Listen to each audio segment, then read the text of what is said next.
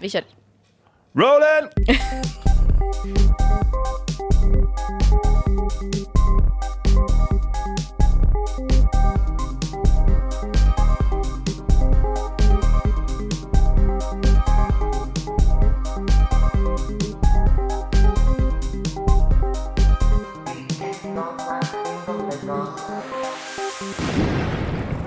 og velkommen til Hvilken dag er din dommedag? Med meg, Hege Skarrud fra Attack Norge, og Mig Jonas Algers från Manifest Tankesmie.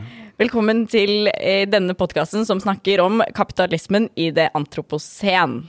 Og i dag må vi først bare starte. Hvordan går det med deg, Jonas? Jo men det går fint. Uh, jag är lite trött. Jag var på en väldigt generös uh, gästemiddag igår med Industri Energi. Uh, de har ju landsmöte nu.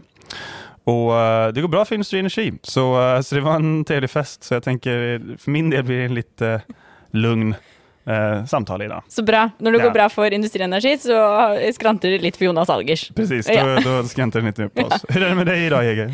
Det går veldig bra. Jeg var på globaliseringskonferansen til Norges Sosiale Forum i hele helga, så jeg følte meg veldig eh, revived med mye bra input og mye god kraft fra den sosiale bevegelsen. Og så avspaserte jeg i går, så jeg har jo eh, kost meg masse. Du är full av energi. Jeg er full av energi. Ja men det är bra. Jeg har tatt eh, C-vitamin og D-vitamin og B-vitamin i dag, eh, Jonas, så jeg er klar for å eh, injisere dette her podkaststudio med masse energi.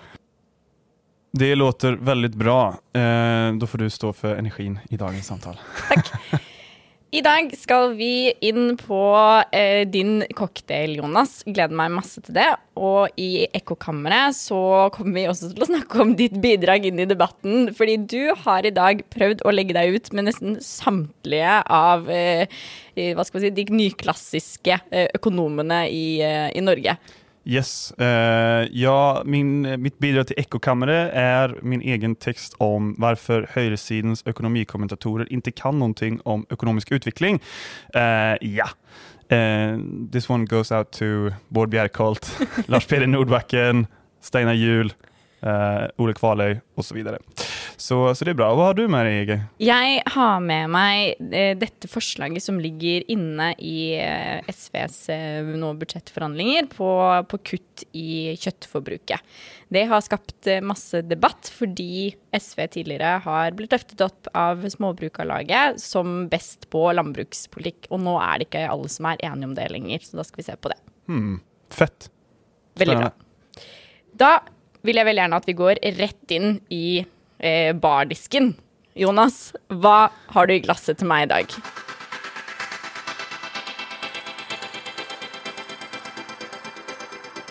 Jajamän, jag står här klar. I glasset har jag grön kolonialism. Det var ju nämligen så att i helgen var jag också på Globkonf eh, och deltog i en panelsamtal eh, om, eh, om grön kolonialism. Och det var en väldigt fin panel, det var väldigt kul att vara där. Och jag tänkte vi kunde snacka lite om, om det idag, för eh, grön kolonialism är ju någonting som alltmer har börjat diskuterats. Ehm, det har fått större intresse i Norge, framförallt på grund av eh, två processer skulle jag säga. Dels i Norge så har det varit debatten om vindkraft på land, att man bygger stora vindturbiner i äh, vet det, regnsbeteområden. Och också att man utanför Norges gränser Ehm, börjar skörda eh, mineraler, litium, kobolt och sånt för att använda i grön teknologi. Uh, och då, så då har det blivit en större debatt om det här. Uh, och det var en väldigt fin deltagelse från bland annat Lasse Björn från Samerådet, shout out. Det var uh, väldigt intressant att snacka om, han snackade om hur, hur de upplever att samernas intressen blir helt ignorerade när man ska bygga stora vindturbiner. Och det största exemplet på detta är då Fosen, Fosen vindpark, att eh, där man har byggt Europas största vindpark tror jag det är på land. Och Det är mitt då i ett eh, renbetesområde. Och Det här har ju nu blivit dömt som olagligt i högsta domstolen i, i Norge, Høyesterett, för att man, eh, man helt enkelt bryter mot urfolks rättigheter. Ehm, ja, och vad är då min take på detta? Jo, att eh, så blir det när man har en marknadsledd omställning. När man låter omställningen till en helt ny eh, teknologibas kan man säga, en helt ny eh, eh användning, relation till energi och, och så, då kommer ju den vara baserad på de existerande koloniala strukturerna. Och det Uh, så därför måste vi snacka lite historia idag också, uh, om det är okej. Okay. Jag tror det, tror det är kämpelurt. Kolonialism är ju historia. Ja, men det är det. Och, och, och vi, man ska komma ihåg liksom att uh, kolonialismen har ju format kapitalismens födelse. Kolonialismen, den moderna kolonialismen kan vi säga, den startade i 1492 när Kristoffer Columbus, eller hur? Mm. Kristoffer Columbus åkte över till Amerika och upptäckte Amerika som, som de säger. Och sedan dess då har man använt andra land utanför, uh, utanför imperiets kärna till att få tag på billig arbetskraft, få tag på resurser och få tag på land. Uh, och Det har ju påverkat hur kapitalismen utvecklas. Uh, exempel på det är ju USA, väldigt gott exempel. När man tog, man tog slavar från, från afrikanska kontinenten, flyttade dem upp till, till USA och där hade de för att plocka eh, bomull till ett väldigt lågt pris som man sen kunde industrialisera norra delen av USA eh, med textilindustri och så vidare. Och då har ju det format den kapitalismen vi känner idag med det industrialiserade eh, norra USA, makt, maktfulla norra USA eh, och, och södra USA då, som har mer jordbruksbas. Eh, sen har ju såklart kolonialismen ändrats mycket över tid. Det har ju varit antikoloniala revolutioner, men man har ju låst in då, min, min huvudpoäng är att man har ju låst in en slags arbetsfördelning som är väldigt svår att bryta av utav. Och det handlar ju om att vi har en, en, eh, ett världscentrum som är industrialiserat, som producerar eh, högvärdeprodukter. Och vi har en, en periferi eller kolonier som producerar eh, eh, råvaror eh, till, till eh, centrum. Då. Och ja, så, så, så när man ska ha en marknadsledd omst- grön omställning så är det ju stor sannolikhet så att de här koloniala strukturerna kommer att eh, forma den gröna omställningen. Vi kommer att eh, eh, använda litium och, och, kobolt med dåliga arbetsmiljöer och så vidare i den globala syd för att utveckla industrier i den globala nord. Mm.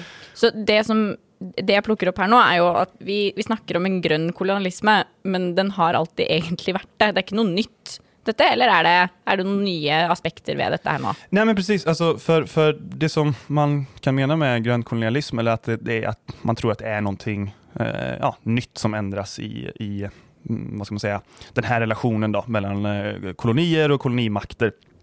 Och på ett sätt så eh, menar jag att det egentligen inte riktigt är någonting nytt. Dels för att kolonialismen har existerat länge, men också såklart för att eh, eh, grön kolonialism, att använda kolonier för att hantera ekologiska kriser, det har man gjort ganska länge. Och för att förstå detta så kan vi ta eh, hjälp av landet Nauru. Hear me out. Eh, okay, eh, ja, Nauru, var ligger det?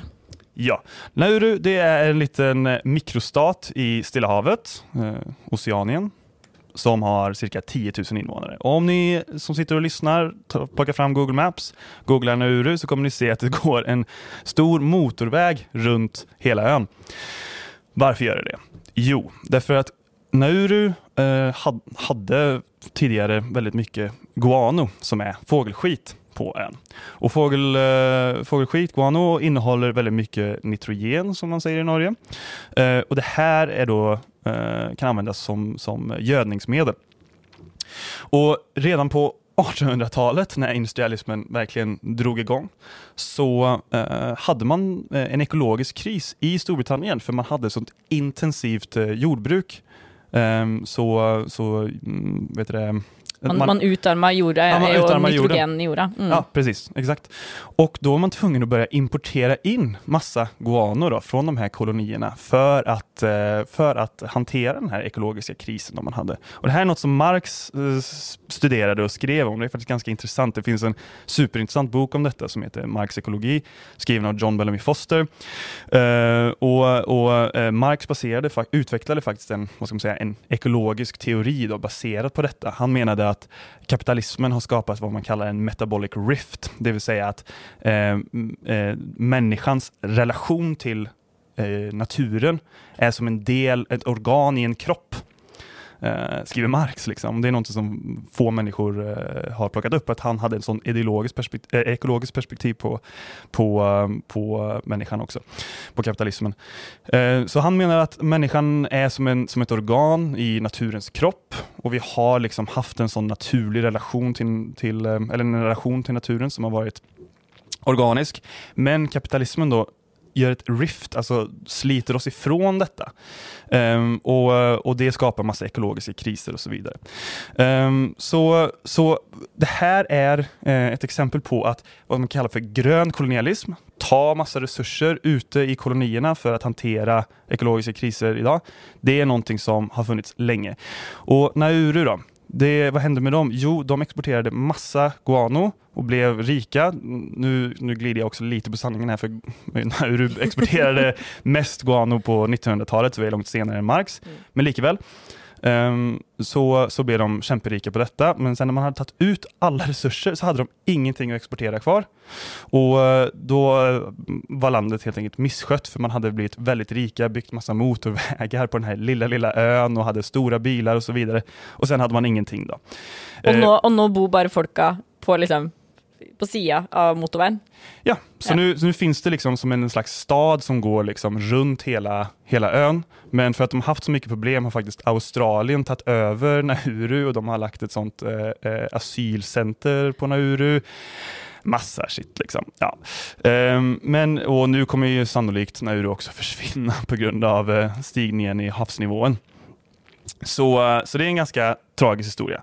Men ja, så det, det finns det här med grön kolonialism. Det, det, det är någonting som har funnits ganska länge uh, och det har tagit olika former och det är ingenting nytt. Men vi måste liksom fundera lite på vad ska vi göra för att uh, hantera det? Eller är det liksom det enda sättet att få en omställning? Och det tror jag inte det är. Mm.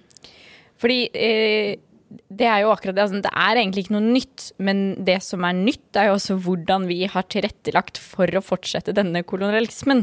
Um, og da nytt er et veldig vidt begrep her nå. Dette er jo eh, institusjoner som vi har bygd opp gjennom tiår, ikke sant. Gjennom eh, FN eller Verdensbanken eller eh, Verdens handelsorganisasjon. Hvordan vi har laget regler som gjør at de låses, disse tidligere kolonilandene, til en, eh, denne, denne liksom grønne kolonialismen videre, da.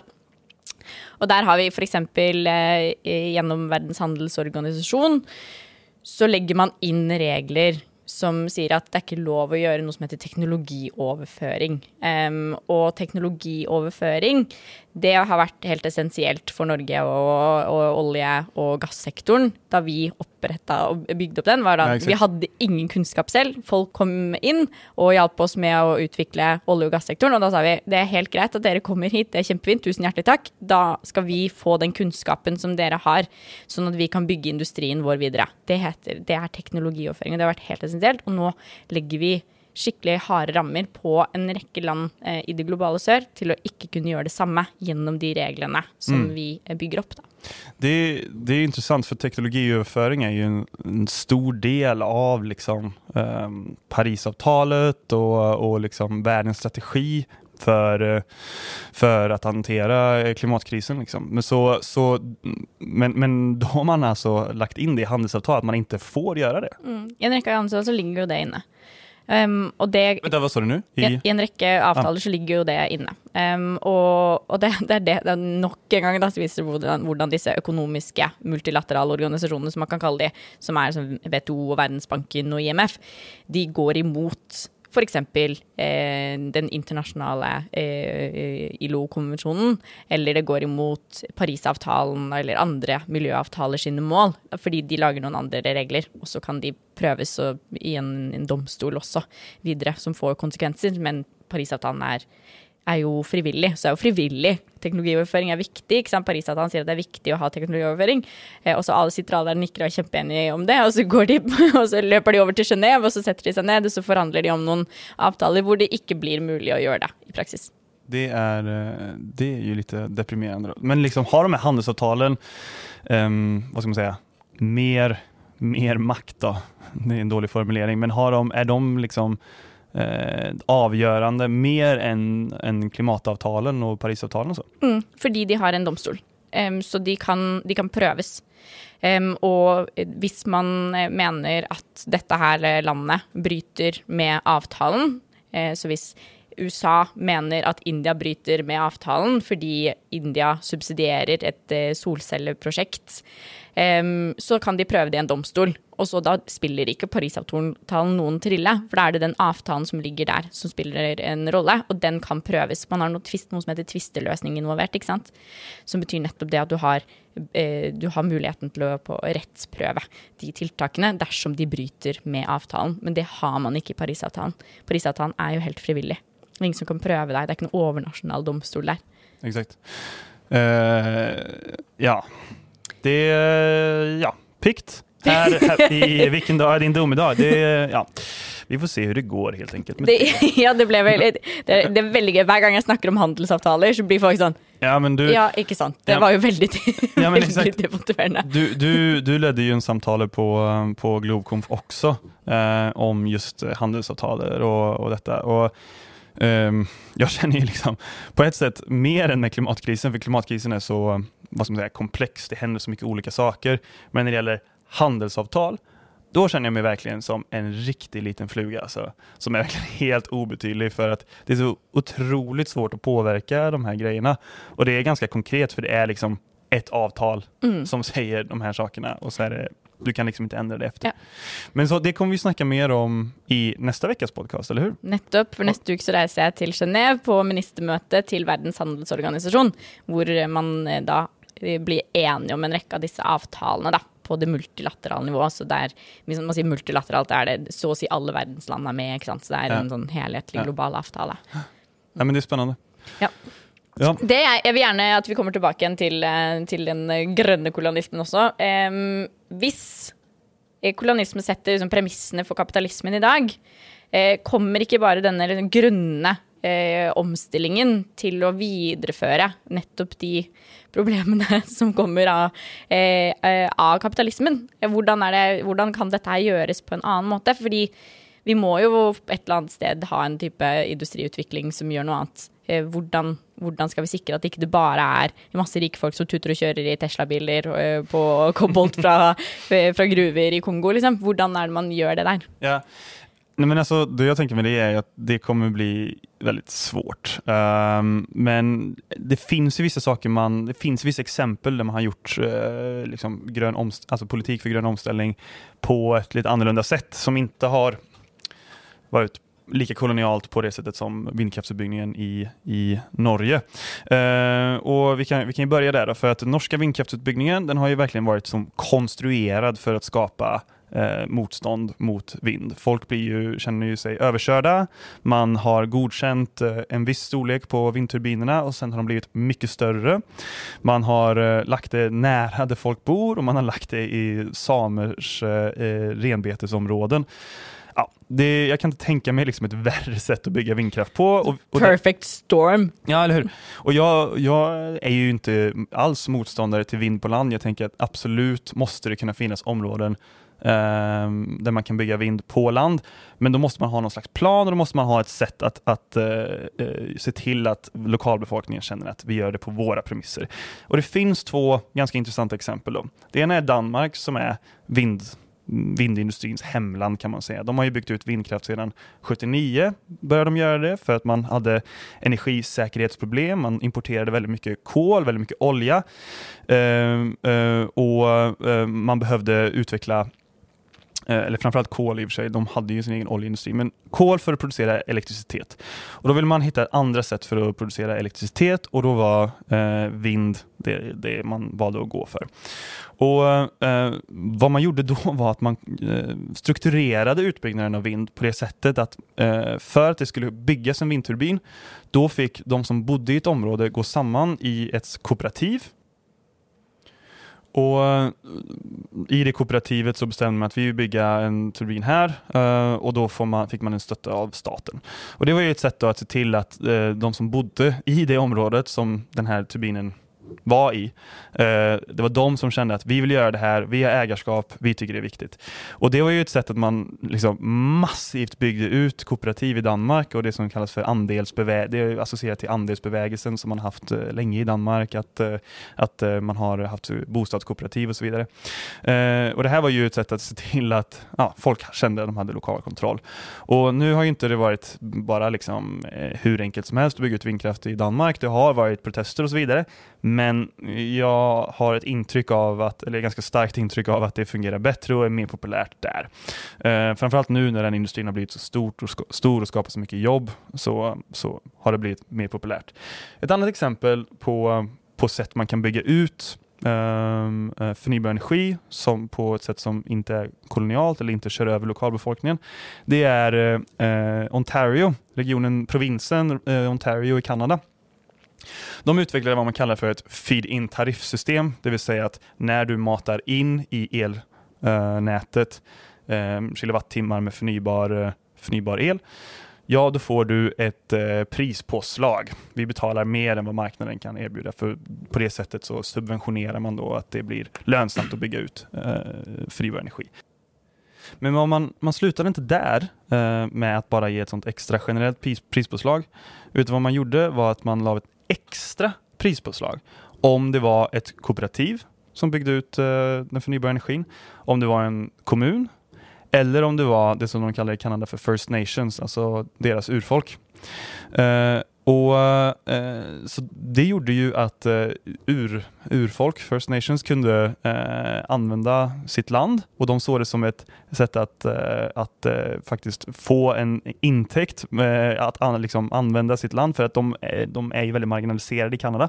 Och Det här blir ett sätt att liksom kunna få en intäkt och så vidare utan att göra stora naturingrepp. Eh, eh ja, så det var mycket mer populärt i, i Ontario.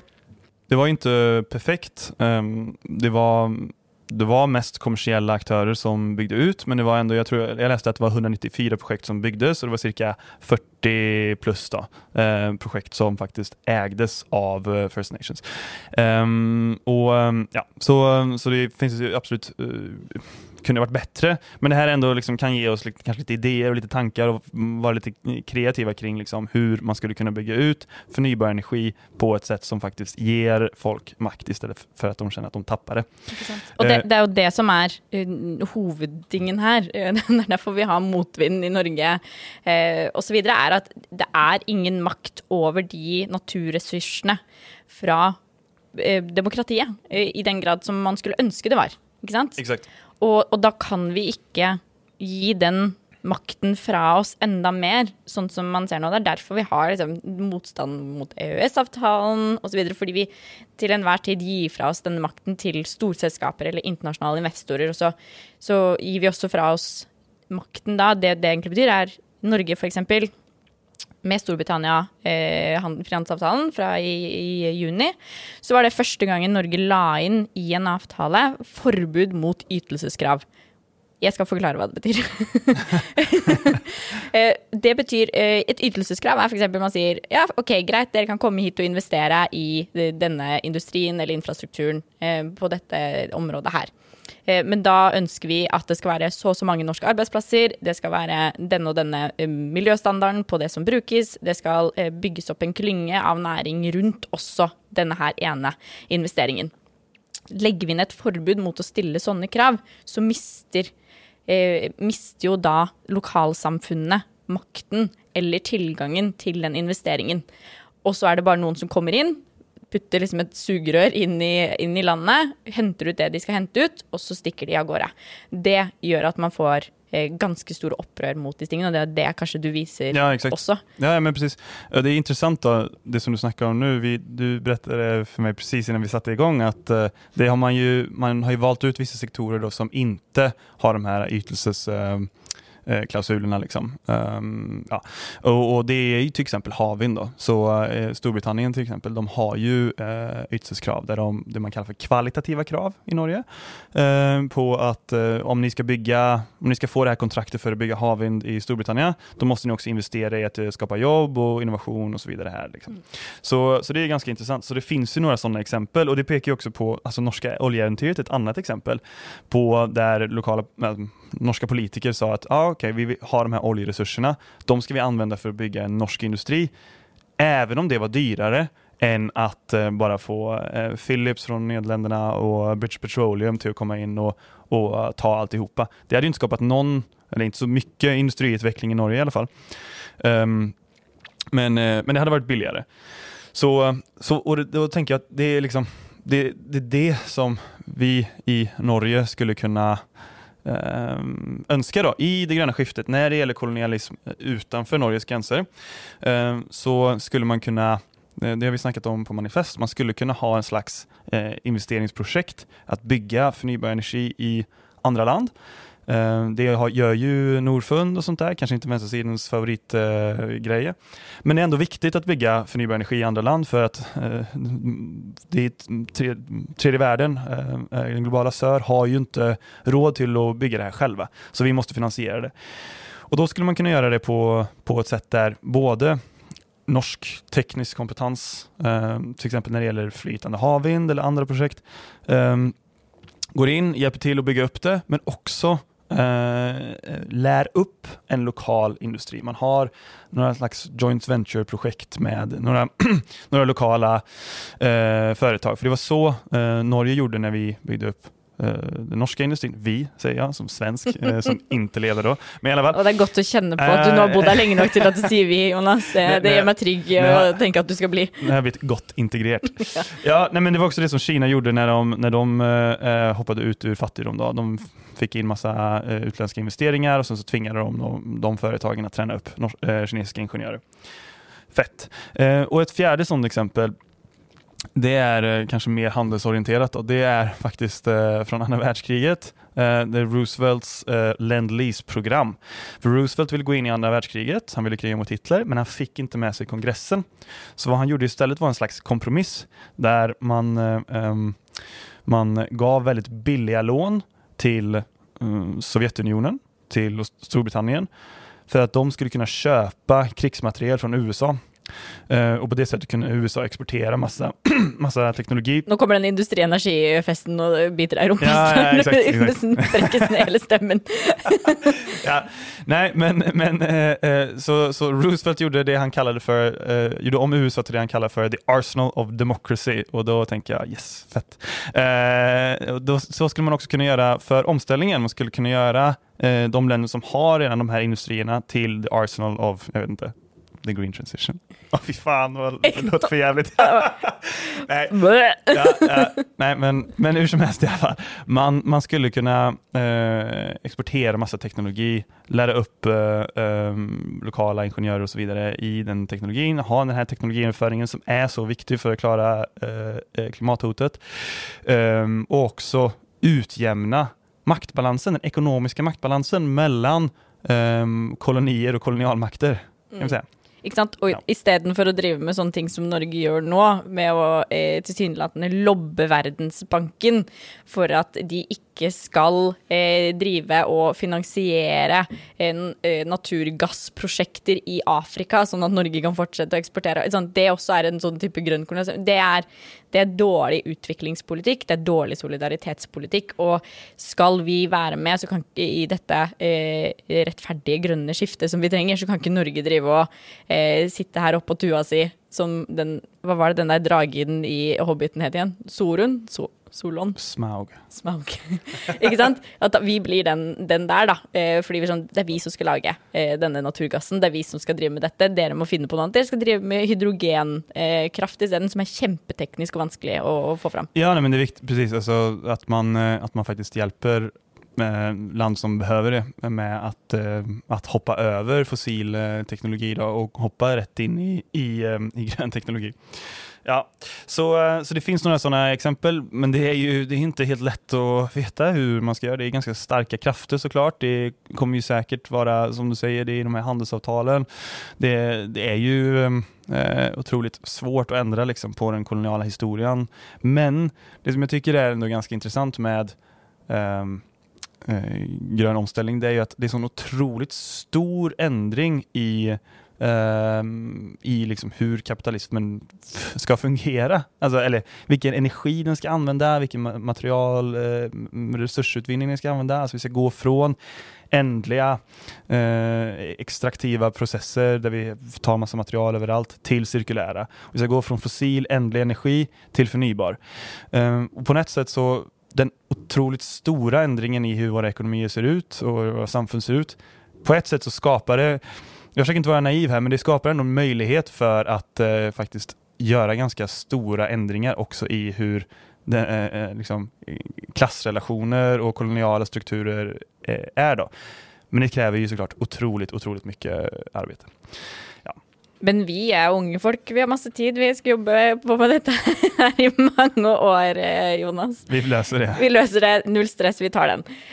Kjempefint. Jeg tror vi, vi runder av her og går inn i, ja. i ekkokammeret. Yes. Du skal få lov til å begynne i ekkokammeret i dag, Jonas. Vi er veldig stolt av deg. Tack. ja, eh, okay, jag har med mitt eget bidrag till Ekokammeret. Eh, Ydmykheten är att ta och följa på här. Ja, det här är det, är det hetaste, freshaste i debatten om eh, klimatpolitiken. Nej, men det är nämligen så att jag har skrivit en, en kronik i E24 om eh, en ny tid för högersidens ekonomer. För det är nämligen så att med klimatomställningen så har den ekonomiska ortodoxin ändrats i världen. Och eh, som elittidningen Financial Times skrev så är eh, staten tillbaka i eh, ekonomisk eh, ortodoxi och det är också eh, en form för planering. Och eh, på, på redaktörplats så skrev Financial Times att eh, energiomställningen det är ett in, världens största infrastrukturprojekt någonsin Eh, och stater måste planera den. Och jag kan, om Björn Moxnäs eller Audun Lysbacken hade snackat om att ja, vi måste använda mer eh, ekonomisk planläggning, då tror jag det hade blivit ramaskri i Norge. Så det är ju liksom en, en, en intressant, det händer ganska mycket eh, där ute. Vi ser på, det blir en ökad liksom Um, man ökad känsla av att vi behöver liksom ha statliga interventioner för att ändra våra ekonomier, för att klara klimatomställningen. Men samtidigt då så har vi Norges eh, högerekonomer som säger att nej, men staten ska inte plocka vinnare, staten ska vara neutral eh, och så vidare. Och Det är ju ganska roligt för eh, den norska staten är ju otroligt aktiv, men i oljan, via Petoro som är ett statligt helägt sällskap, så investerar staten cirka 25 miljarder i året i året i petroleumsindustrin. Via Equinor, Equinor är ju majoritetsägt av staten, investeras ännu mer i oljeindustrin. Och, eh, ja, och då är det liksom intressant att man eh, tänker att med en sån aktiv stat det får den vara i oljepolitiken, men det får den inte vara i klimatomställningen. Och jag tror att det här kommer, jag tror att det här kommer från att eh, man har, eh, eh på grund av stora intäkter från, olje, mm, från olje, oljeindustrin, så har inte högersidens ekonomer behövt tänka på hur utvecklar vi faktiskt vår ekonomi och hur positionerar vi oss eh, när eh, världsmarknaden ändrar sig. För det är det som danskarna gör, det är det som svenskarna gör. Man har sett att eh, det ligger ett högre press på de länderna att, eh, vara, att omställa sig när världen eh, börjar efterfråga gröna teknologier. Då har de satsat som fasen. Svenskarna investerar ju 400 miljarder i ett hydrogenprojekt med ett eh, eh via ett statsägt sällskap. Man har också investerat i batterifabriker direkt och så vidare. Man har haft eh, massa, massa initiativ. Danskarna kör på också, framför allt med sin havvindsektor. Men eh, eh, Norge ligger långt, långt efter. Och eh, ja, jag tänker att det, det är det är liksom Eh, i, i den politiska världen så är det liksom nästa tröskel vi måste komma över om vi ska få en aktiv politik eh, eller en effektiv klimatpolitik idag. Det är att det måste mer brett förstås att staten måste ta en roll och vi måste faktiskt ha mer planläggning om vi ska klara av klimatomställningen. Altså, staten har ju den rollen, ikke sant. Det är jo det du säger så innmari bra, men att de de virker som om de misforstår det med vilje. Og det er en total ideologisk blindhet her, og man må bare sette igjen denne gjengen på perrongen og la toget kjøre videre. For vi har, vi har, vi har de ti oljebud, f.eks. Man har utviklet dette her ved at staten har sagt dette skal være kontrollen. Um, så de har vunnet den diskursen på en eller annen syk måte de siste årene. Det må vi bare Den kampen skal vi ta nå. Og Ja. jeg er veldig glad for at du tar den, og du går i strupen på dem. Og jeg gleder meg til de svarer deg, for det må de jo gjøre. Ja, ja, jag hoppas det. Vi Er ikke hele Civita sitt eh, sekretariat ansatt for å ta sånne som deg? Jo, jo, men med det. Det, det är jag mot deras 25 ansatta eller vad det var. Så eh, David mot Goliat. Och Ja. de är David. Eller? Ja. Ja. Så eh, De er David, ja. Du läst, Goliat. jag har god. Bibeln tillräckligt väl. Nei. Så eh, Civita, come and get it. Ja, Det- come and get it. Ja. Jonas er klar. Och, och du då Hege, vad har du med dig från Ekokammeret? Jag har med mig en eh, uh, liten sån sak från, från statsbudgetförslaget till SV. For der inne så ligger det at eh, SV skal kutte i kjøtt. Eh, så her er det blåst opp i Nasjonen blant at nå skal, eh, nå skal SV de skal kutte eller redusere kjøttforbruket med 100 000 dekar. Nei, eller de skal kutte kjøttforbruket, og så skal man tilbakeføre 100 000 dekar dårlig jord til myr.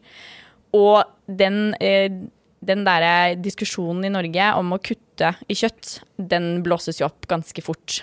Så i tidligere år ble jo SV de ble gitt en pris av Småbrukarlaget for å være det partiet som er best på, på nettopp jordbrukspolitikk.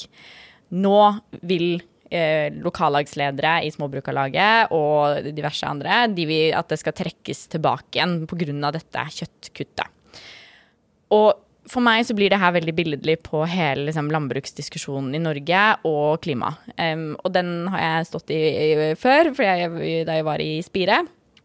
Og det er vanskelig, det har alltid vært veldig vanskelig å navigere, fordi jeg skjønner frustrasjonen til bønder når de har blitt pressa til å bare øke volum, volum, volum, volum hele tiden. Eh, mer ytelse per, per dyr eller per dekar. Eh, men eh, det som er viktig å huske på her, er jo at også grunnen til at SV fikk denne her prisen Nå for, eh, forsvarer jeg både Småbrukarlaget og SV sin eh, politikk her, men, men grunnen til at SV fikk den, er fordi de nettopp ser på maktstrukturene i landbruket som har blitt bygd opp over tid. De ser også på hvilke eh, innskuddsordninger som, eh, som følger hva slags politikk. ikke sant? Så istedenfor denne volumpolitikken, eh, så ønsker de å gå over til en mye mer sånn arealpolitikk og ivaretagelse av områder. Ehm, um, og da er det det at ok, vi må kutte disse utslippene, men vi, skal gi, vi må jo gi tilskudd til at bønder kan bygge opp en annen type produksjon isteden. Eh, at det skal være mer beitedyr, det skal være mer eh, eh mulig å ta i bruk litt ulentet terreng, at man skal kunne ha grønnsaksproduksjon, man skal ha mer eh, helhetlig landbruk på en gård, istedenfor at du skal bare ok, da har du kyr, og så skal de stå inne, og så skal de produsere masse, masse, masse eh, per dyr. Det er, det er dårlig dyrevelferd, det er dårlig eh, politikk for bøndene, og det fører til eh, gjeldsøkning, og, og eh, at vi utarmer og, og mister eh, Vi har veldig, veldig riktig jord, da, fordi vi har ganske lite dyrkbar mark nettopp i Norge. Så det er den helheten vi må hele tiden se på. Det skal det er ingen som skal komme og ta jobben fra bøndene. Vi skal bygge opp et landbruk som faktisk ivaretar eh, bønder, eh, dyr, biologisk mangfold eh, og, og natur og kulturlandskap. Ja, nej, men det tycker jag är jätteviktigt och eh, helt riktigt att eh, det finns liksom ingen motsättning mellan en eh, eh, god klima och miljöpolitik och en god politik för, för bönder. Så det Mm. tycker jag är jätteviktigt. Ska vi lämna den där? Jeg tror vi gjør det. Okej. Tusen hjertelig takk for i dag. Takk for god innsats i dag, Jonas. Jeg, dette klarte du godt. Og så høres vi igjen neste uke. Det blir vår første distanse-podkastinnspilling. Det blir det. Det blir spännande. All right. Tack så mycket för oss. Takk for oss. Hej. Hei.